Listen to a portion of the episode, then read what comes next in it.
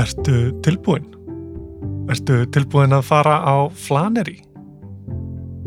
Ertu hér á borgarhaldsbrautinni eða liggur þau kannski bara heima upp í sófa? Við skulum hefja ferðalæðið hér fyrir framann borgarhaldsbraut 71. Serðu? Fjórir stórir glukkar á neðri hæðinni og fimm dyr. Svo í miðjunni hún leiður upp á efri hæðina. Og uppi eru átta litlir glukkar og á þakkinu strompur. Á gamalli loftmynd frá 1942 Löngu áður en þetta hús fylltist af lífi og verslun með nýtísku sniði þá mátti sjá hér litla einangraða mannvirkja þyrpingu fjóra brakka, fjögur hús og loftvarnarbissu. En það var þá og við erum hér núna. Sérðu sjóin? Við ætlum þangað, alla leiðina þangað.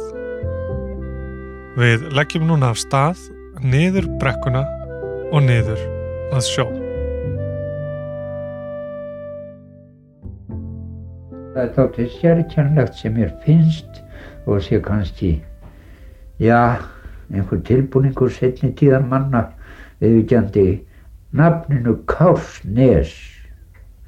Að það hefði verið skút eða hellir þarna fremst á Kársnesi sem við kallum nú nú.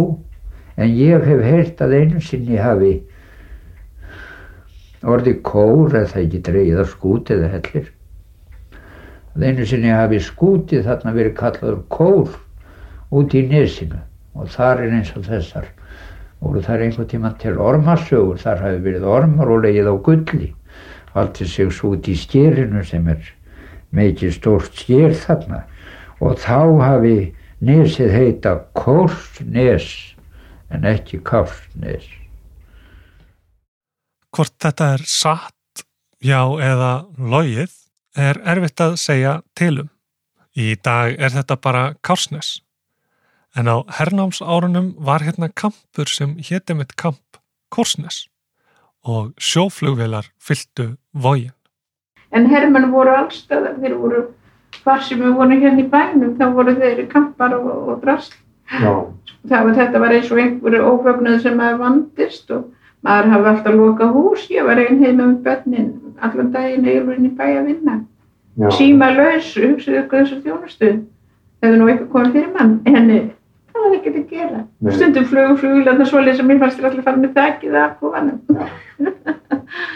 Við höldum áfram á leið okkar niður að sjó og þegar þangað er komið skaltu fara stíin til vinstri Karsnes stíin og ganga með fram sjónum í átt til Hafnarfjörðar Ormagullið hefur ekki enn fundist en fjársjóðir eru margir og mismunandi. Skólagarðarnir á þessum tíma, þetta er svona cirka 67-68, eru á hodninu á Kópúsbraut og Urðabraut. Þá semst erum við bara að stingu upp eins og, eins og allir gerðu og þannig voru kartöflur og, og grænkál og salat og og næpur og þetta tótt og þá komum við niður á uh, svona vélbísu skot, svona stór skot kannski 15-20 cm skot, ansi stór stór skot.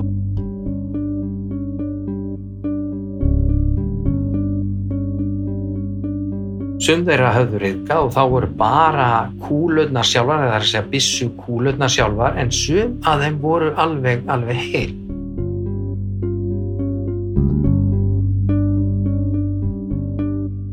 höfum ekki hugmyndu um hvað, hvað svona er hættulegt og tökum bæði biskúlur og heil stór skot. Tókum þetta bara heim og, og heldum á þessu og bara það að halda á þessu í sjálfu sér er, er hættulegt.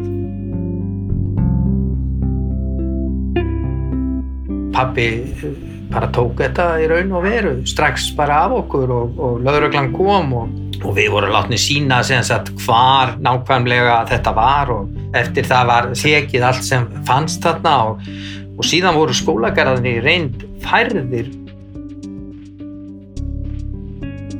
Ég veit ekki hvort það var út af þess en þeir voru semst, færðir eh, frá þessu svæði í raun og veru og nær urðabrautinni síðar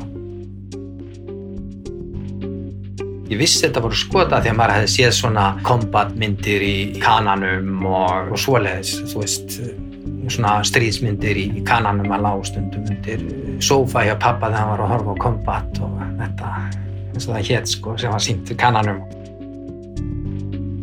þannig að maður vissi alveg að þetta voru skot en maður gerði sér ekki grein fyrir þetta væri sem sagt hættulegt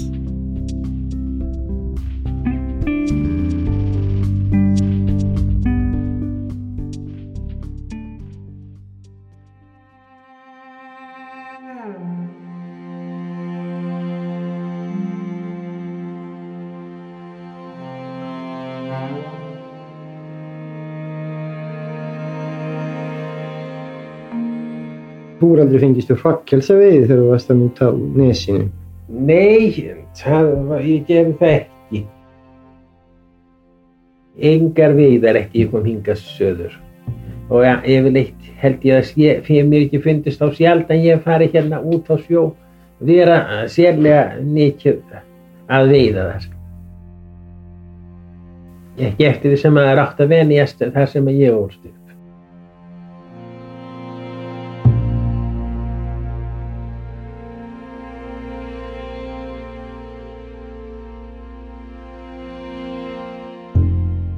þessi eini vegur sem að hús mitt stóð nú rétt hjá það, sem að út á nesi það var káfnisbrautin þegar að við fluttum þangað þá var ekkit vatn og ekkit rafumagn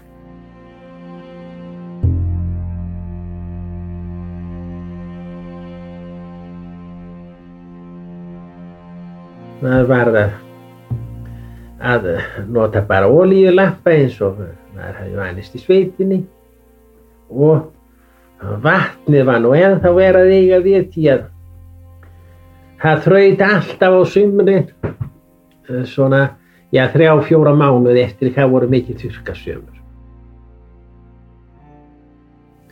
En það sem bjargar okkur þennan tíma var nú það að það var nú setuleið hér eins og allir vissu og það var braggahverfi þannig á hálsinum fyrir ofan og þeir sem að byggu í þessum húsum þarna sem að bústöðum sem voru þá komnir með hann káttinsbrautinni það var nú ekki annar staðar eiginlega búið þá hér á útnesinu.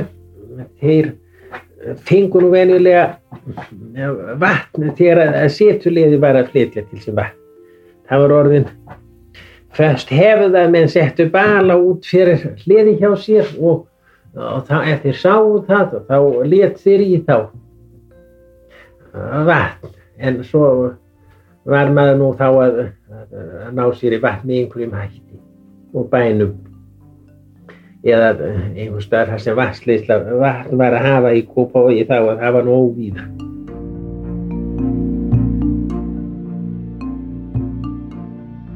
Ert ekki öruglega ennþá að ganga með fram sjónum? Ég er ekki búin að gleyma þér. Haltu bara áfram og svo stoppum við aðeins á eftir. Ég læti vita.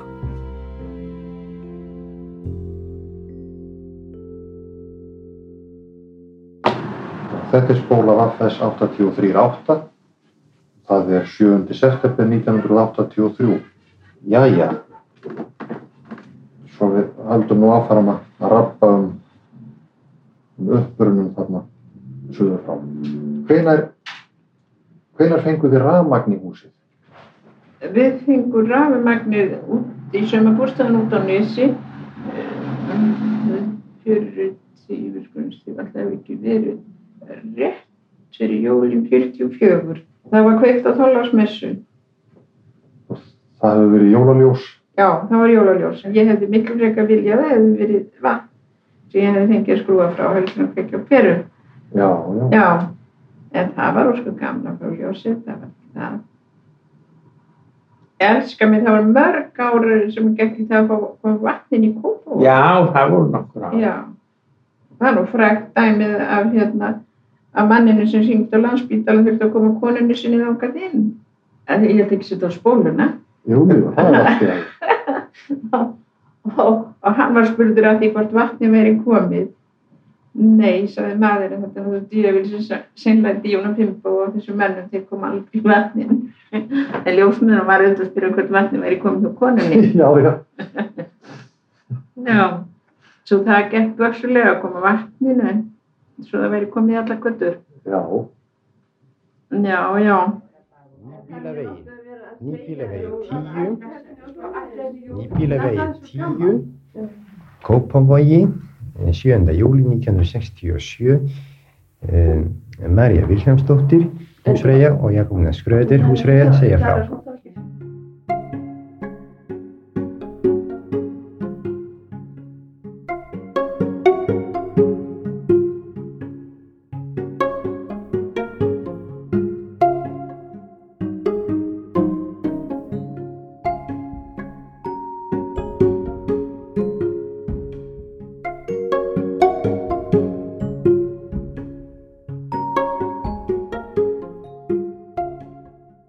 Hvers vegna fluttust þið hingað sér í Kópavog?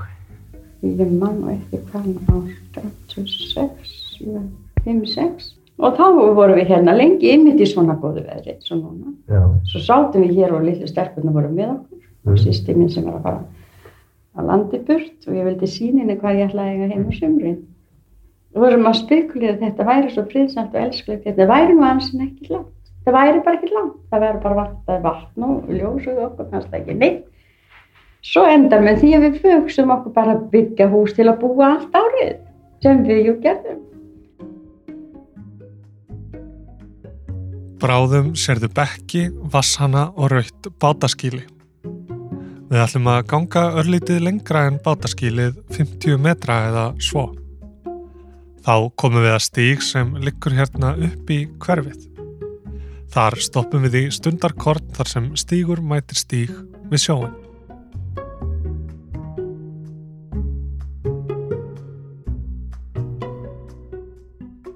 Þið hefur haft kannski karlugarð og rógar Jú, jú, við höfum það alltaf tíð. Svo Já. gaman þegar maður var að taka upp að senda svona eitthvað fötum til svona vina okkar. Já. Já, já. Það var svo gaman. Hmm. Það var yfirlega sendt svo leiðis. Svo var komið svo margir vinnir okkar hringa. Þeim fannst við að koma hálftið upp í sveit þegar komið heimsókn um sunnudag. Já. svona. Já, Þeim hefur gaman að eh, skreppa hinga surið og já, já, það var afskapla gestfæmt hérna. Alveg afskapla gestfæmt.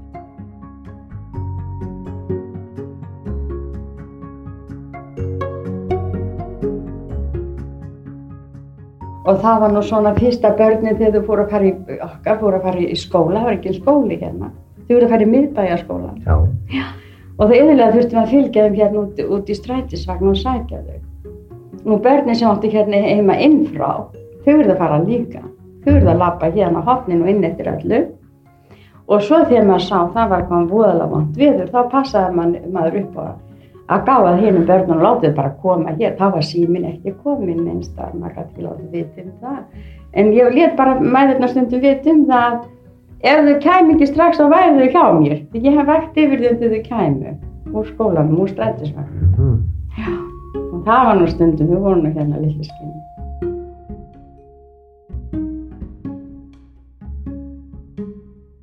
Á horninu þar sem við ætlum að staldra við var hænsnabú sem sá kársnesinu fyrir eggjum.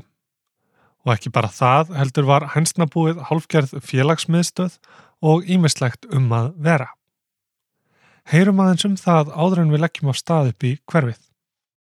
Já, þetta var nú alveg heimur út af fyrir sig. Ég var í raun og veru sko niður í hænsnabúi hverjum einasta degi. Annarkvort að gefa hænunum, annarkvort út á báti eða í klakarhlaupi eða ykkur svona sko sem strákar gera gerna á þessum, þessum tíma. Það það var mjög mikið um að vera þannig. Það var mikið að krökkum, mikið að strákum og sko skúlpið það fór beint niður í sjóin við hænsnahúsið og uh, við vorum annarkvort á rörinu þarna og notuðum það svona sem bryggjukant til þess að fara út á bátana. Og það var hreinlega, ef maður hugsaður út að sérstaklega eftir á að það var ansi ógeðslegt að maður datt þarna á henni beint í sagt skolpið eins og það lagði sig á. Og það var, já, þetta var ekki beinlýnis geðslegt þarna.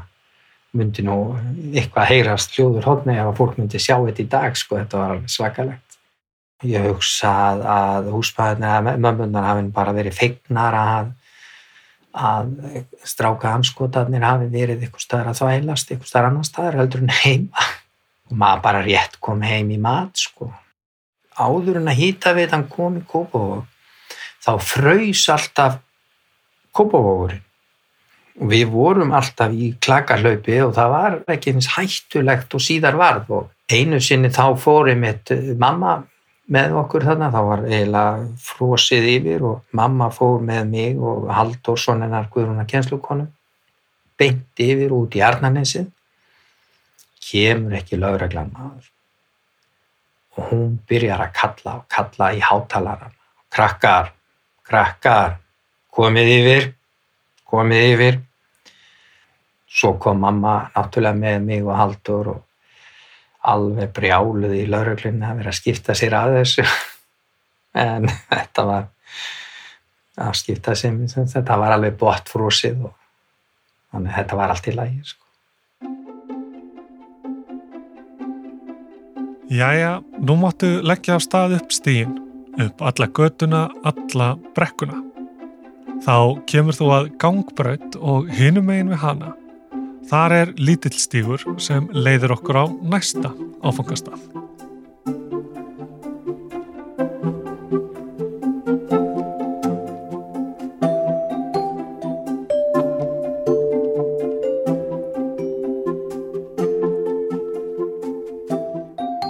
Já, flatkökugerðin var hérna á þingolsbrötinni. Ef þú væri að lappa upp frá sjónum, þá lappaður pínuliti til hægri á þingolsprutinni og þar var í bílskúr þar var flatkökjugerð sem núna heitir ömmubakstur. Við vorum oft sendt þarna til að kaupa flatkökur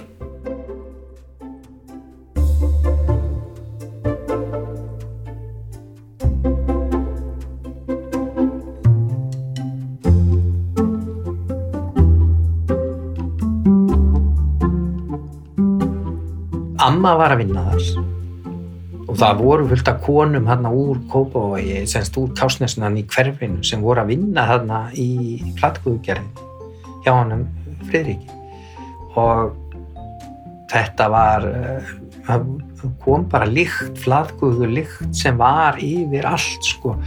Og hún, að því að hún átti heima á á Kópavósbrautinu þarna aðeins lengra aðeins frá að því ég er hann að heila beint á móti Suðurbrutinni og þá átti hún heima aðeins innar eða utar á nesin og þá þurfti hún að lappa fram hjá og þá skildi hún oft eftir smá flatkökur. Þannig að við vorum ansi með nýjar flatkökur oft uh, beint semst úr, úr eða þessum, hvað maður að segja, afganga þessum míshefnust eða eitthvað svoleiðis úr flattkvöðugerðinu þannig að þetta já, þetta var mjög mjög skemmtilegt þarna með flattkvöðugerðinu Við erum á leið inn í hljegerði eftir litla stignum hérna hinum einn við göttuna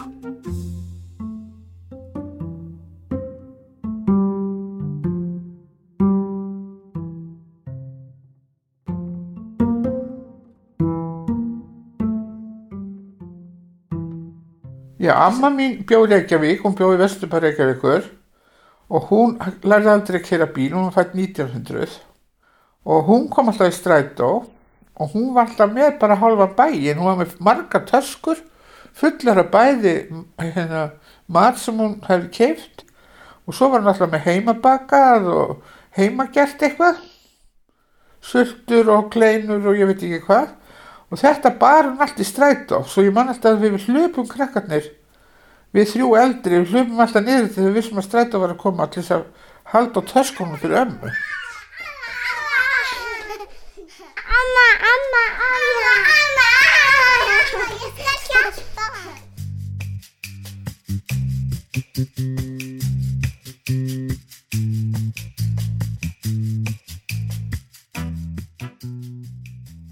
Líttu til vinstri þegar þú kemur inn í hljekjörðið.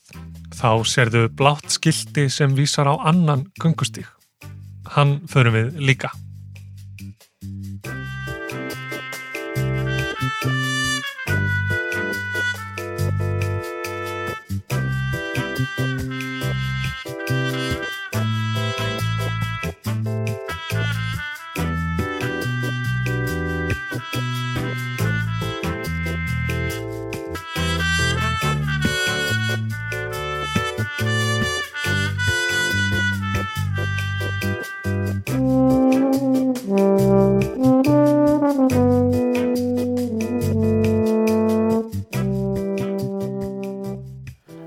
Yfirleitt alltaf lokuð eins og hlékið var alltaf lokað þegar mikill snjór. En þá var það bara gert að skíðabrekku og pappi sjá líka um að sjá, gera skautasvell fyrir hverfið hann fristi túnið, það var svo stort tún. Og hann bara spröytaði vatna og þetta frjó, frjósa. Og svo kom bara allt hverfið á skauta í garðinni hjá okkur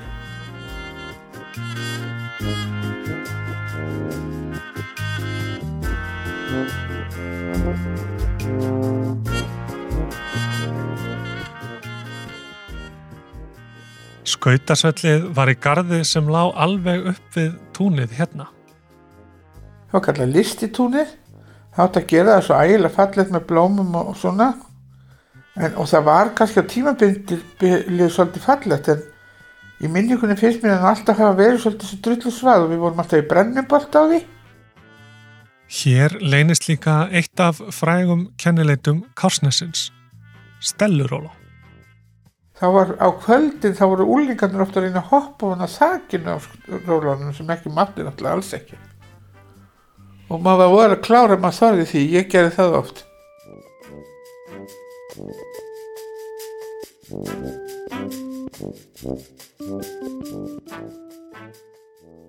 Við ljúkum göngunni þar sem við byrjuðum, þar sem einu sinni var Kamp Korsnes og síðar Karsneskjör, sem var stundum kölluð Guðnabúð eftir eigandanum sem bjó á efrihæðinni. Það er hvita húsið hérna aftan við skúrin. Förum þangað og skiknumst inn, ekki með augunum þó, við viljum ekki hrella íbúana, heldur með eirunum og í huganum. hún var tilfæðilega stór fannst okkur náttúrulega ef ég loka auðvitað þá mann ég nákvæmlega hvernig það leit út sko, ég mann hvað kjötborði var staðst í búðinu og svona ég komst ekki hann í fyrir þetta því ég var hjúgrunarnemi og ég varð að vinna. Ég var látið vinna hjartatildin og mátti alls ekki fara hann í bæ það fór eiginlega allir niður í bæ. En sýstu mínar fóru með mömmu og ömmu niður í bæ. Og pappi hann ákvað það að fyrst að vera kvennafrítagur þá skildi hann hugsa um mati sem hann gerði aldrei. Og hann fór bara til kásniskjör og kefti allar það dósi þann dósamat sem hann gæti fyndið og ég man það að það var ótrúlegt samasæfna fiskibálum og saksbautum og eitthvað hvað þetta hétt nú í gamla daga sem hann let mér svo að ég kom svo undan þeim heim. Þannig að þegar ég kom heim þá var ég látið hýta dósinnar og ég bjöðst nú til að ég geti nú kannski bara hýta þetta í potti, nei nei, hann let mig hýta þær ofan í heitu vaspaði á eldavillinni að því hann var að sjá um þetta, ég var ekki að sjá um þetta. Og svo ræða hann bara dósunum á hérna borstofaborði þegar þær komu heim allir þetta var ótrúlega máltíð. En það var mikið úrval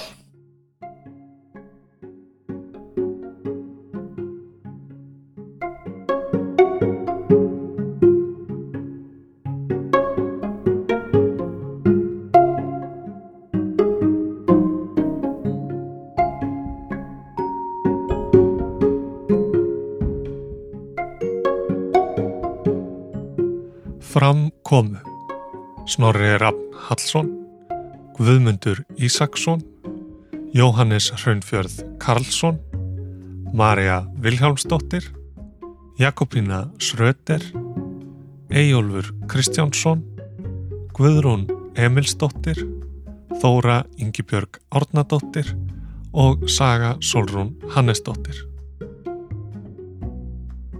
Flaneri er styrt af lista og menningaráði Kópavóksbæjar. Sérstakar þakkir fá Fríman Helgason, sögufélag Kópavóks og þjóðfræðisafn stopnunar Orna Magnússonar í íslenskum fræðum fyrir upptökur úr söpnum Hallfreðar Arnar Eiríkssonar og Vilhjálms Sigurjónssonar. Flaneri skipa Aðalbjörg Árnadóttir, Elisabeth Jónsdóttir, Ranveig Bjarnadóttir og Snorri Raffn Hallsson tónlist eftir Blue Dot Sessions. Fyrir fleiri hljóðgöngur og ítarefni. Kíktu á flaneri.is